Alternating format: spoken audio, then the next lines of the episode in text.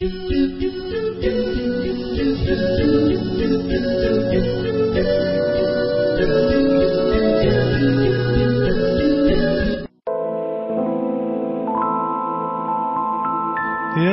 الأرواح يشفي الأتراح. هذا القرآن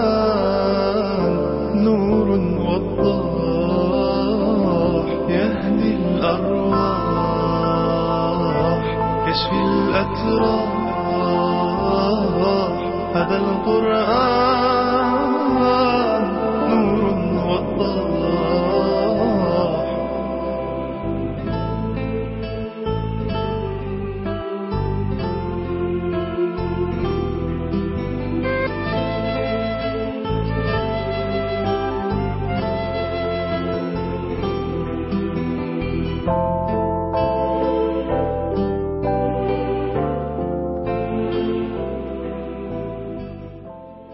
بسم الله الرحمن الرحيم. والحمد لله رب العالمين. والصلاة والسلام على سيدنا محمد النبي الكريم وعلى آله وصحبه أجمعين.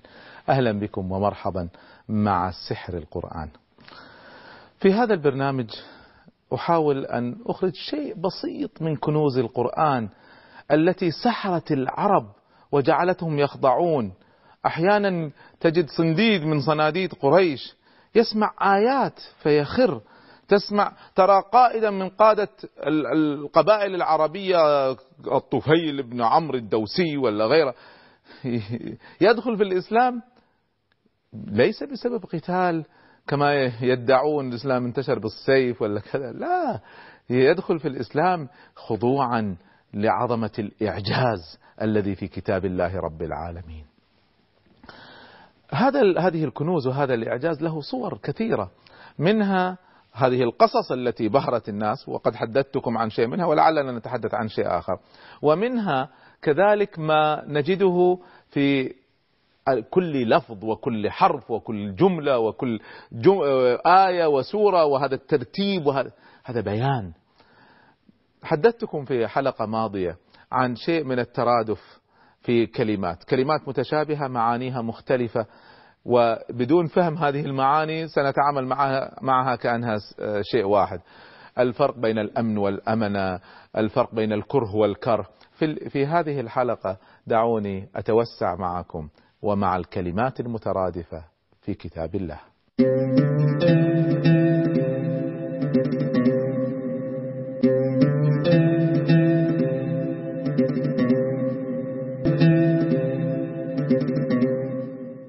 من الكلمات المترادفة في القرآن الكريم السلم والسلم والسلم.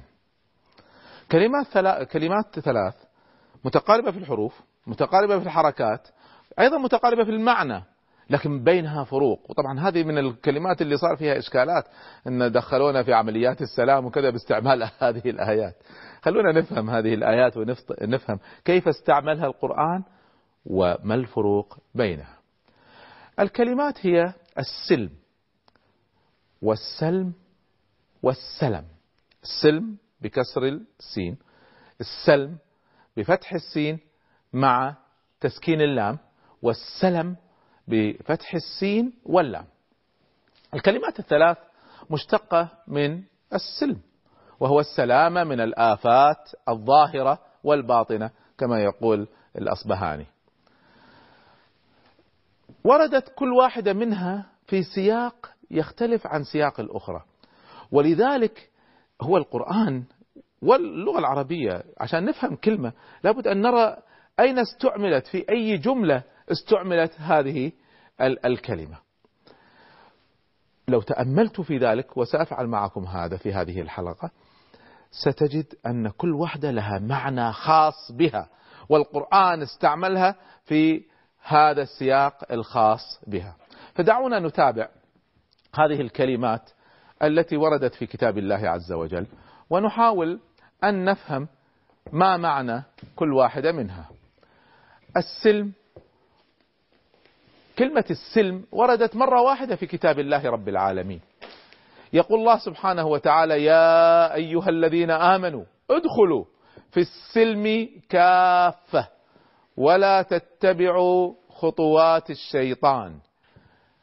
ادخلوا في السلم كافة ولا تتبعوا خطوات الشيطان. إنه لكم عدو مبين. السلم هنا ليس مقصود به السلام أو الحل السلمي للصراع مع اليهود والأعداء. السلم هنا معناه الإسلام. الله سبحانه وتعالى أمرنا أن ندخل في الإسلام كافة. كافة يعني نأخذ الإسلام كله بشمولة وعمومة. فهو دين ودولة وعقيدة وجهاد ودعوة وحكم وقضاء وسياسة وتشريع. كافة تعني أن ينعكس الإسلام على حياة الإنسان منا وأن تظهر آثاره على كل مجالات الحياة الخاصة والعامة حياتنا الفردية وحياة دولتنا وأمتنا. كافة تعني أن تلتزم الأمة الإسلامية كلها بالإسلام في كل مرافقها في كل مؤسساتها في كل هيئاتها. الإسلام وحده هو السلم. الإسلام وحده هو الذي يحقق السلام لأنه لن يتحقق للفرد ولا للأمة ولا للإنسانية السلم ولا السلام إلا بالالتزام بالإسلام الصادق الجاد. والله سبحانه وتعالى أشار إلى هذا المعنى حين قال والله يدعو إلى دار السلام الأمن الكامل ويهدي من يشاء إلى صراط مستقيم. وقال تعالى قد, قد جاءكم رسولنا يبين لكم كثيرا مما كنتم تخفون من, من الكتاب ويعفو عن كثير قد جاءكم من الله نور وكتاب مبين يهدي به الله من اتبع رضوانه سبل السلام ويخرجهم من الظلمات إلى النور بإذنه ويهديهم إلى صراط مستقيم ويهديهم إلى صراط مستقيم. اذا هذا معنى السلم. ادخلوا في السلم ما لها علاقة بالحل السلمي. هي لها علاقة بالمآل وهو الاطمئنان والسلام الكامل. لكن كلمة السلم هنا معناها الإسلام. أما السلم فتح السين وسكون اللام. عندما يميل أحد الفريقين في المعركة إلى الاستسلام. يسمى سلم. اذا السلم هو الميل للاستسلام. وردت هذه الكلمة في القرآن الكريم السلم مرتين وكلاهما في سياق واحد وهو سياق القتال بين المسلمين والأعداء. المرة الأولى في قوله تعالى وإن جنحوا للسلم فاجنح لها وتوكل على الله إنه هو السميع العليم معنى السلم هنا الميل للاستسلام هي تخبر عن الكفار أنهم إذا بدأوا يشعروا بالهزيمة أمام المسلمين وأعلنوا خضوعهم واستعدادهم للاستسلام ففي هذه الحالة يكونون قد تركوا الحل العسكري القتالي ومالوا إلى المسالمة، مالوا إلى الاستسلام بسبب هزيمتهم هم. في هذه الحالة يجوز للمسلمين أن يستجيبوا لجنوح الكفار للاستسلام. وعندها سيفاوضونهم على كيفية الاستسلام والمسالمة. المرة الثانية أيضا وردت في إطار القتال تنهى المسلمين عن الدعوة إلى السلم لأنهم هم الأعلون فلا تهنوا وتدعوا إلى السلم إياكم أنتم أن تبادروا إلى عرض الاستسلام وأنتم الاعلون والله معكم ولن يترك يتر ولن يتركم أعمالكم. اذا كلمة لا تهنوا سبقت كلمة السلم في الآية. إذا لو رجعنا للآية الأخرى الأولى وإن جنحوا للسلم اقرأوا ما قبلها واقرأوا ما بعدها. ما قبلها الله سبحانه وتعالى يقول واعدوا لهم ما استطعتم من قوة. ما بعدها الله سبحانه وتعالى يقول يا أيها النبي حرض المؤمنين على القتال. إذا ما فيها دعوة للاستسلام ما فيها دعوة للحل السلمي. هي دعوة إذا شعرنا أن العدو رغب في الاستسلام في هذه الحالة لا مانع أن ندخل معهم نفاوضهم على شروط استسلامهم هم. مو روح إحنا نروح نسلم. فكلا كلا الآيتين يعني تؤكدان على قوة المسلمين على عزة المسلمين عدم الوهن وعدم الهوان وعدم الضعف وعدم الذل. بعد الفاصل إن شاء الله سأتحدث لكم عن السلم الاستعمال الثالث لهذه الكلمة. يهدي الأرواح يشفي الأتراح هذا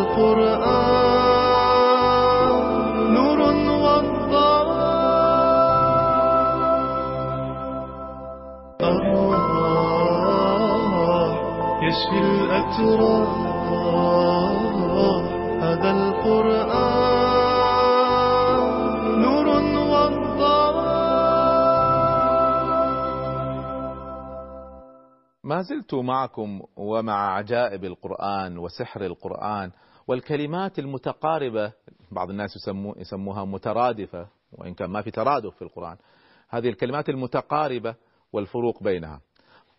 قلنا أن السلم هو الإسلام. يا أيها الذين آمنوا ادخلوا في السلم كافة. ادخلوا في كل الإسلام. لا تأخذوا أجزاء وتتركوا أجزاء.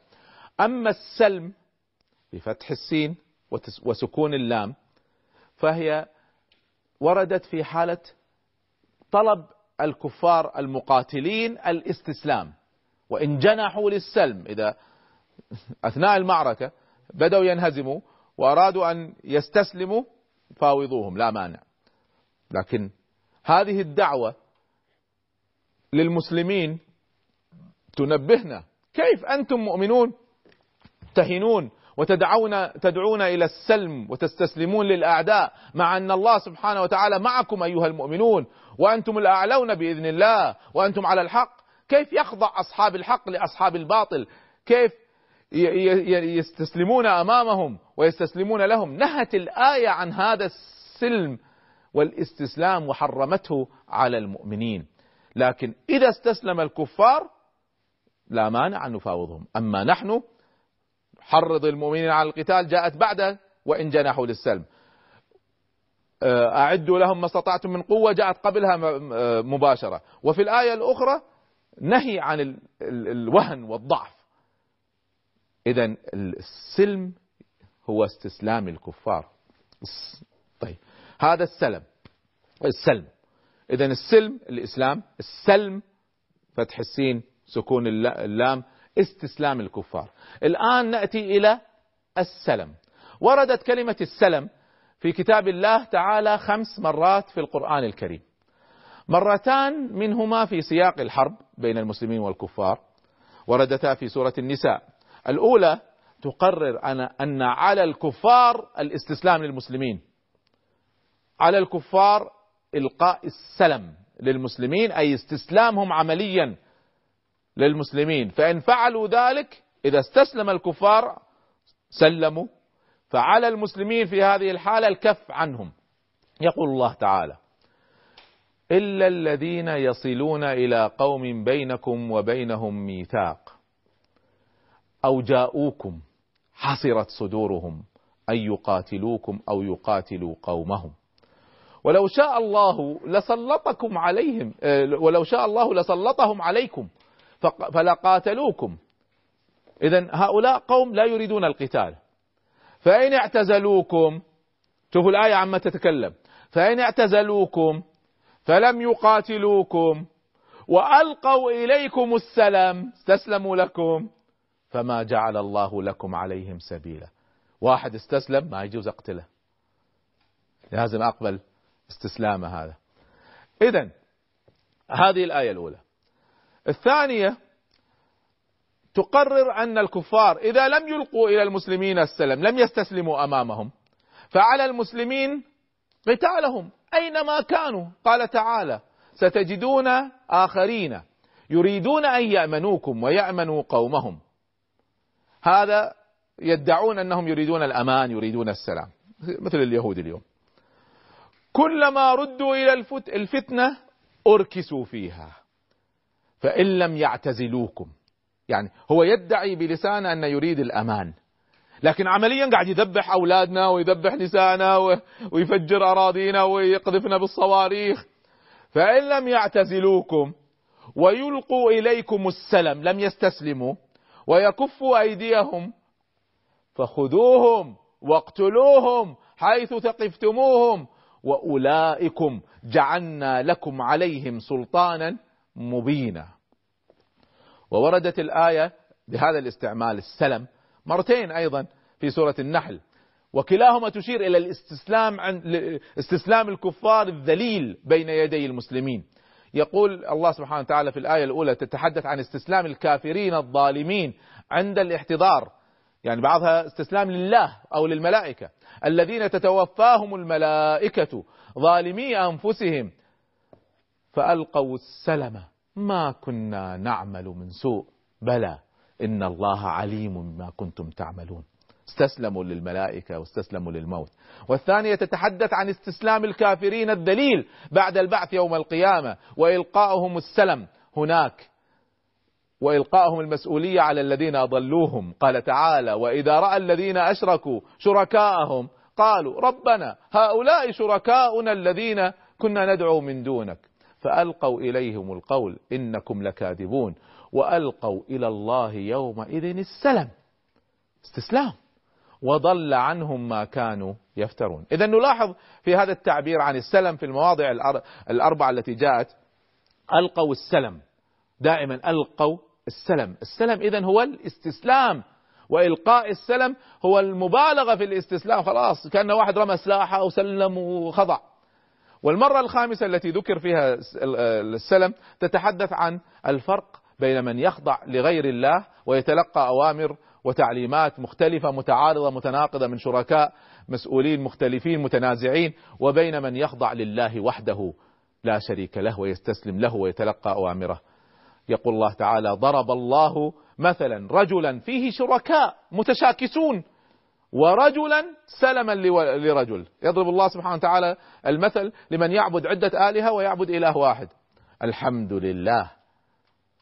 هل يستويان مثلا؟ الحمد لله بل أكثرهم لا يعلمون. إذا المسلم إنسان سلم نفسه لله ودخل في السلم أي الإسلام كافة شاملا.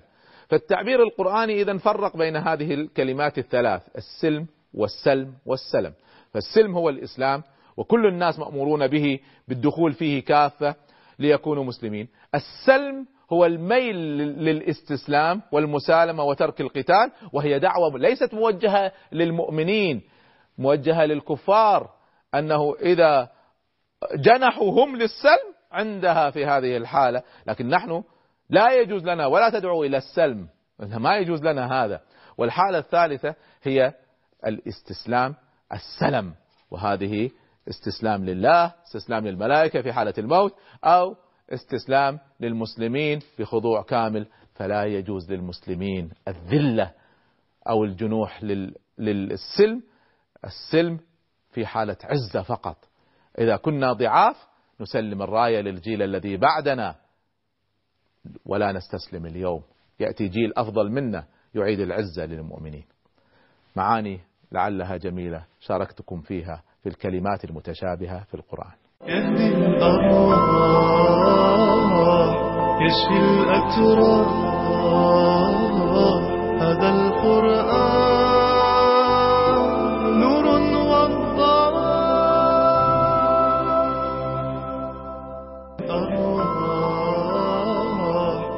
يشفي الأتراح هذا القرآن نور والضوء لعلكم مستمتعين معي في معرفة الفروق بين الكلمات المتشابهة والمتقاربة في القرآن. هذا الكلام مهم لأنه بعدها لما نقرأ القرآن سنقرأ بصورة مختلفة تماما. ستأتي المشاعر والأحاسيس. هكذا ينعكس علينا سحر القرآن. دعونا نأخذ, نأخذ مثالا آخر من الكلمات المتشابهة. النعمة والنعيم في التعبير القرآني.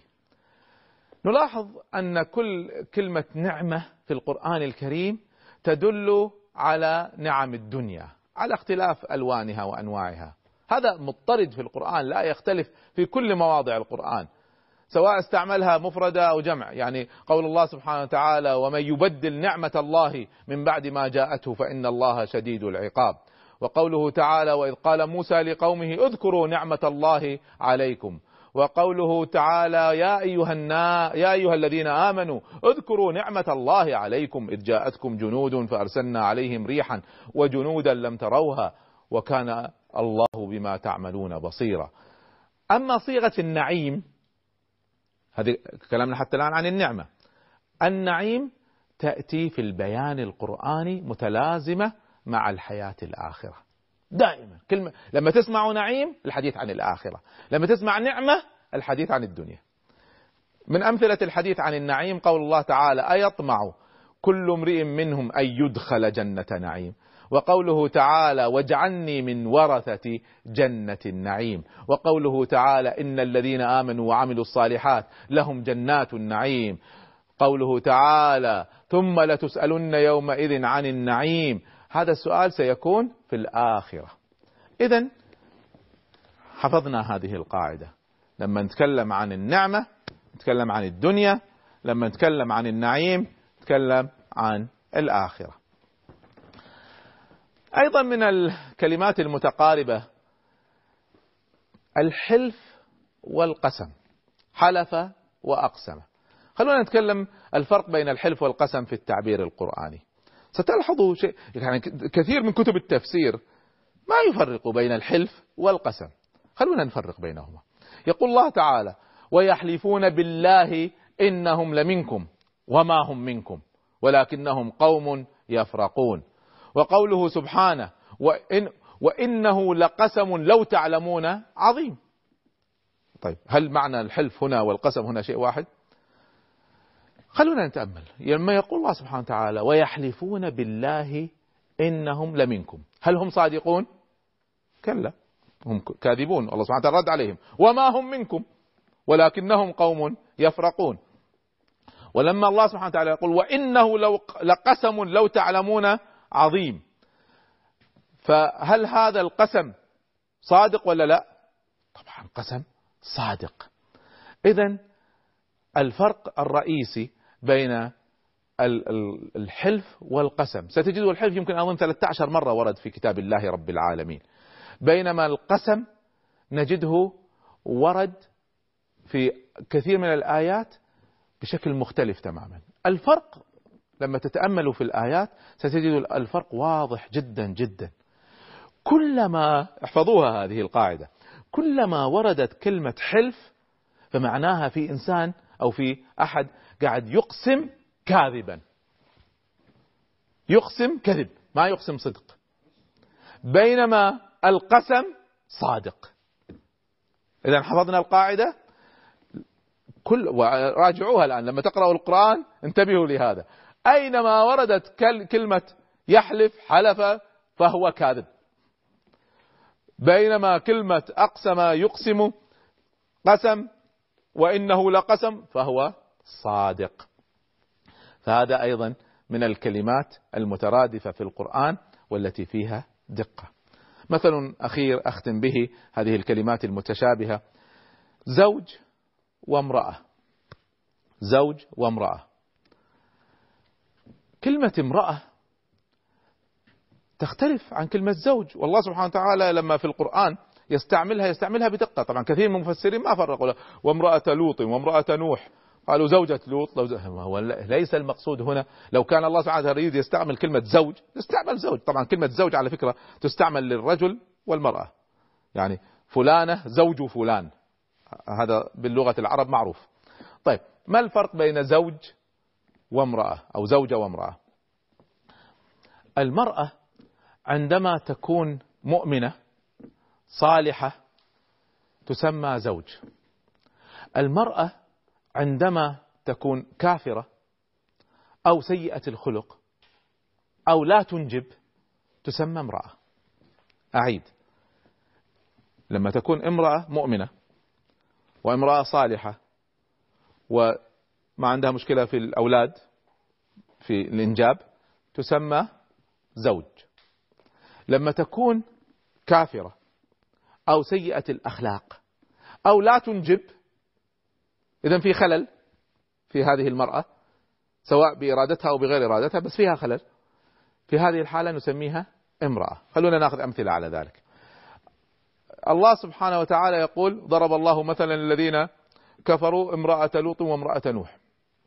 امرأة لوط امرأة هذه لأنهم كفار. لما آه، سيدنا إبراهيم زوجته ما كانت تنجب فالله سبحانه وتعالى يقول وامرأته قائمة لأنها لا تنجب. سيدنا آه، زكريا ولا كانت زوجته سيئة الخلق وأصلحنا له زوجة. فالآن صارت صالحة. قبل ذلك كانت سيئة الخلق كانت تسمى امرأة. الآن لما صارت صالحة سميناها زوجة.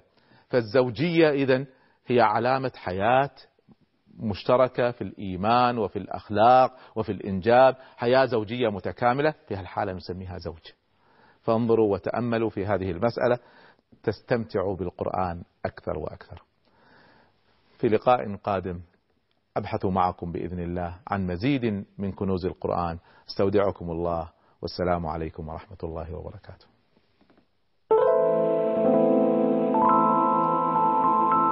يهدي الأرواح يشفي الأتراح. هذا القرآن نور وضاح يهدي الأرواح يشفي الأتراح. هذا القرآن